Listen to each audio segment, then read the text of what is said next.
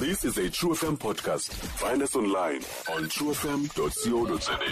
asiye ke ngoku kuye u-acting pgm yena utata um zundithwandinakalo ntonga yakhe ke loyo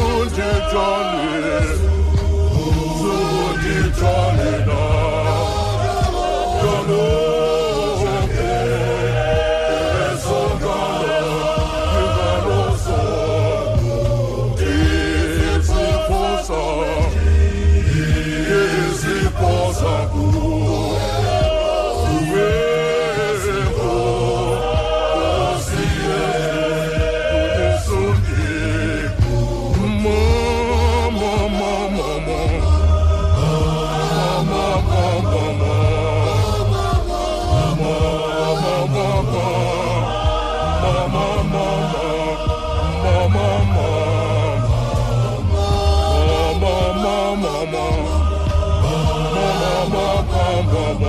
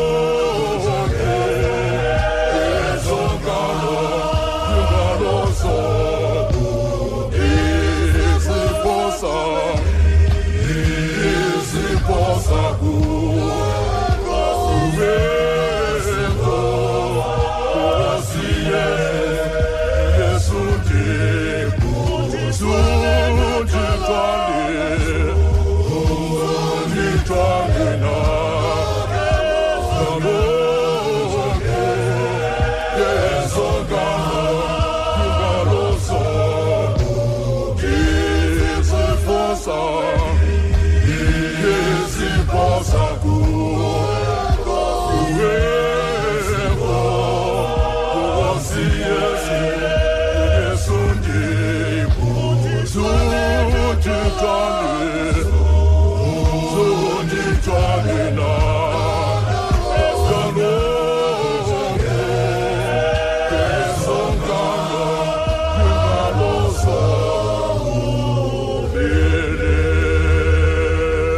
mandibulele kuwe mphathi nkqubo. Ndibhotise kubaphulaphuli. Kumphathi wesikhululo esilahlekelwe ngomnye wabasebenzi. uMasixole Mdingane. Umphathi wenkqubo eziphuma emoyeni, inhloko zamasebe. Abasebenzi abebesebenza nale ndodana.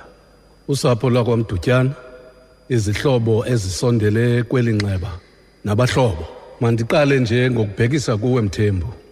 Mfo kamdingane kuqala. Namhlanje uphumile esuthwini. Usondele emadodeni. Ndiyitsho nje le nto kuba ndisazi ubunzima bexesha ojongene nalo ngalo mzuzu. Ixesha lokuqala kwakho ukuvula umlomo ujongene nosapho lwakho. Ulixelela ukuba unyana weli khaya akasekho. Isitshetshe sigobele esandleni namhlanje. Kodwa ke elabadala lithi akulahlwa mbeleko ngakufelwa. Bazali nabantakwethu abakunye nathi kule nkqubo ngokuhlwa nje ndifuna ukuqala ndinqine amazwi obuchule.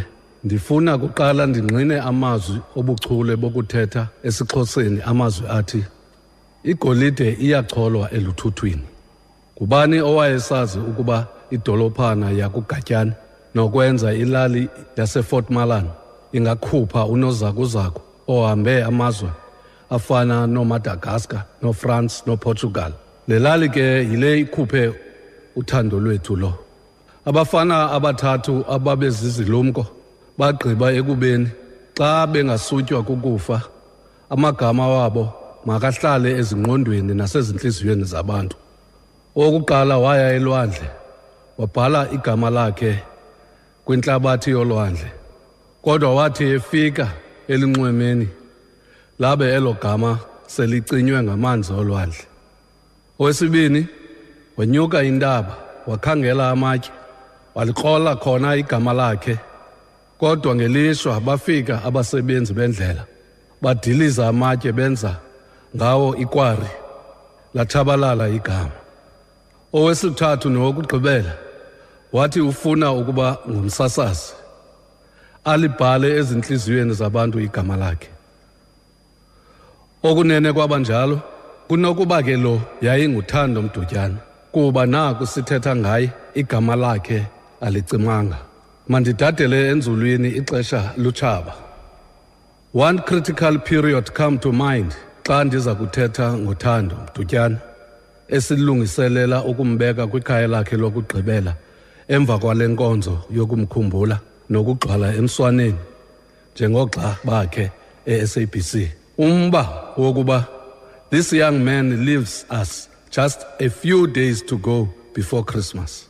A few days before we celebrate the new year and two months phambi kokuba onwabele usuku lwakhe lokuzalwa nge-13th kamarch he would be 36 at 35 years of age lo mfana ube kwixesha lokuzalisekisa amanyathelo awathathayo ebomini ukuze aphumeze injongo namaphupha akhe anawo. Amaphupha obomi obungcono. Ukuba ebekhule engumntwana ongenamkhondo ngewabuya ephaca esikolweni edurban. Kodwa kuba wayezazi into ayifunayo wabuya eyokozela. Iselwa lakhe liphuphuma zizithwaselo zemfundo. Wafika ekhaya ephethe i-sound engineering lighting design stage design and events management. Ngowuphi na umzali obengenakuba nebhongo xa umntwana wakhe esaziwa ngezi zithwaselo akwaba ulutsha akhula nalo belungafunda kwindlela kamelo t ayishiye eyivulile. Akwaba ulutsha belungatshintsha indlela yokunyathela ngexesha lokuphila kwethu kuba akukuhlanga esikubonayo abantwana belizwe lam bemka nemirhiba ehambisa umzimba. Zenithethele ke thando mfo kamdutyana. Nicenge abanye abantwana ukuba nina seniwelile. Thando njengomthunywa wethu kwelozwe uya kulo uze uyibeke imeko oshiya likuyo elasemhlabeni. Uze uyibeke koyihlomkhulu ubacele bathethe noqamata. Asijonge ezantsi emhlabeni kuba konakele. Abantu bayajikelana bayagebengana. Nawe ushiya kuphalala igazi kwiindawo zethu zokuhlala. Namhlanje abazali nabendlu yakwamdutyane bayazingca ngawe kuba ude wabashiya ungazange wabalwa kubantwana abandlangathekisa abantwana. Intsana nabasetyhini. Kuwe sifunde ukuba umntwana onenjongo ngobomi. Nomntwana ohlonipha ikhaya lakhe kuyalilwa xa athe wahamba kwasebutsheni bakhe kuba bekusajongwe lukhulu kuwe. Akubahlazisanga abakwamdutyana ke noko. Lutsho lwakowethu oluphulaphule le nkqubo ninoxandiva olukhulu enijongene nalo ukuba ninamaphupha eninawo inde indlela eniza kuyihamba njengale ndodana singayo namhlanje. Xa sithetha ngothando asikwazi ukuthi wazalwa watya wakhula wafa wangcwatywa. Kuba ukhule ekholelwa kwintetho yabadala ethi indoda iyakudla ukubila kwebunzi layo. From the days at unitra community to ckifm to true fm all are indications of a life full of hope hope to make change in his life juggling between on-air content program producer to community dj shows determination of a young man aiming to the stars. As I get it, Tando has mastered all in radio, albeit his young age, SABC has lost. Both purpose and hope, as found in the character of Tando Mtutyana, molded his decisions, influenced his behavior, and shaped his goals towards the right direction. Tando had all the traits of a young achiever. His work ethics and professional conduct tells a story of someone who had a meaning in life. Zihlobo zakwamdutyana nosapho ngokubanzi zenincede ningasigxeki ngokubuyisa unyana wenu selele ngomqolo engaphefumli. Besingamgcinanga kuba sinihlutha intlaka yenu yegolide. Besigcine ijoni enalithumela emfazweni nilusapho. Namthuma lo mfana ukuba ayokuphakamisa igama lakwamdutyana ezizweni. ukwenzile oko kodwa ngelishwa apha edabini kuye kwafika ukufa kwamhlabanisela lilani kodwa ningalili ngokungathi lo mfana unihlazisile uwenzile owakhe umqela nangoku sisabambelele kwithemba lokuba uhambo aza kuluhamba luhambo lwethemba athi xa eyibeka umahatma gandhi Great is the art of beginning, but greater is the art of ending. Satisfaction lies in the effort, not in the attainment. Full effort is full victory. Thando ndiyala ukuthi goodbye kokungathi sobe sibonane kwakhona. Through friends don't say goodbye. They just take extended leave of absence from each other. I am hesitant to bid you a farewell since I know the depth of a journey you are starting since your heart stopped beating. All I can do is to wish you a peaceful journey, full of hope, because this is the beginning of anything you want. Ndivumele mphathi nkqubo xa ndifika ekuvaleni ndinike bantwana ualizwa noalunamda amazwi ethemba lokuba uthando uphumlile.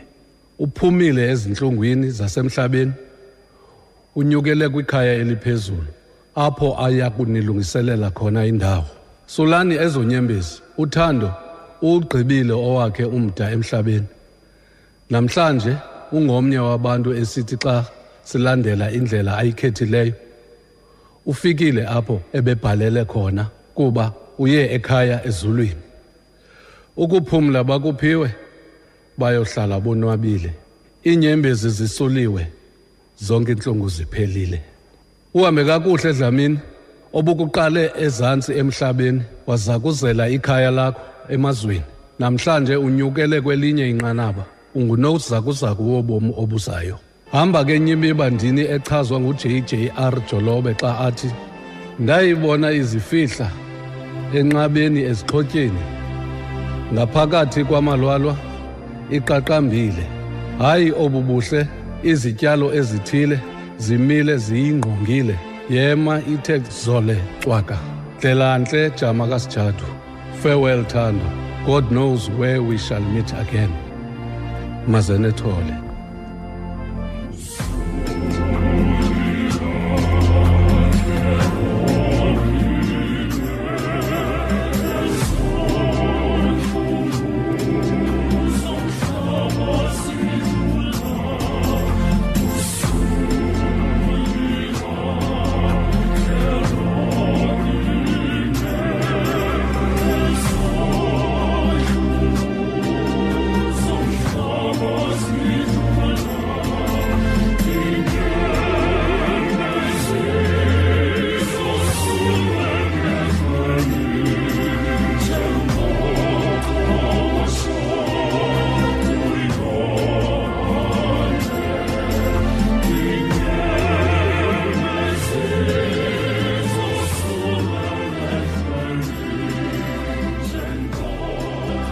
what a tribute. Nkosi yam xa kude umphathi womphathi athethe ngolhlobo kuyacaca into yokuba uthando ubuphilile ubomi wenza kakuhle wenza kakuhle phambi kwabantu wenze kakuhle phambi kwabasebenzi wenze kakuhle phambi kwabo bamphetheyo siyambulela uthixo ngobomi bakhe obuhle kangaka ndiyabona naphaa kufacebook abasijoyinileyo kule nkonzo bonzakele. Kodwa ndiyafuna uphinde nditsho ndithi kwifemeli kwamdutyana kwizihlobo nezalamane nditsho ndithi kumzi wasetrue f m sabc iphela kubaphulaphuli betrue f m. Nxe nganguthixo angazipholisi intliziyo zethu azosula inyembezi usondele yena kuba ntliziyo ityumkileyo. Ngelithuba silungisa intliziyo yakho ke. Kuba siyezwini uthethile uodumo wamchaza umntakwabo ukuba ukhule njani wasixelela ulwandiso ukuba ube njani phakathi kwabahlobo bakhe. Wasixelela uReggie uyiva inhliziyo yakhe bityumkile ukuba usebenzisele njani na nomeluthini wathi uAmanda wathi njengomphulaphuli oko kwakukuhle ukuhamba nomeluthini sibavile abaphathi. Ngoku lifikile ixesha lokuba sivuthixo ukuba yena uthini. Sivu umlomo wakhe ukuba yena uzawuthini kuthi namhlanje. Ndakagaji abantu bonke basemzantsi afrika ndinento ethi bafuna nje into eyi-one noba noba ngumqheba uba babe bayabambelela kuwo. Ntliziyo zonakele ntliziyo zityumkile kodwa ithemba likhona ngoba uthixo yena unguthixo othembakeleyo amen. Uthando he has fought a good fight and he has finished the race and he has kept the faith. Masimzukise uyehova kuloo ndawo kuyo vumelela ixesha lokuba lilungise intliziyo yakho ukuze uzoliva ilizwi lenkosi. Let us worship together. Let us worship together. Khona nkosi yawo umdala wezinsuku nasiphi na isimo? Oh siya mlale. Umese khona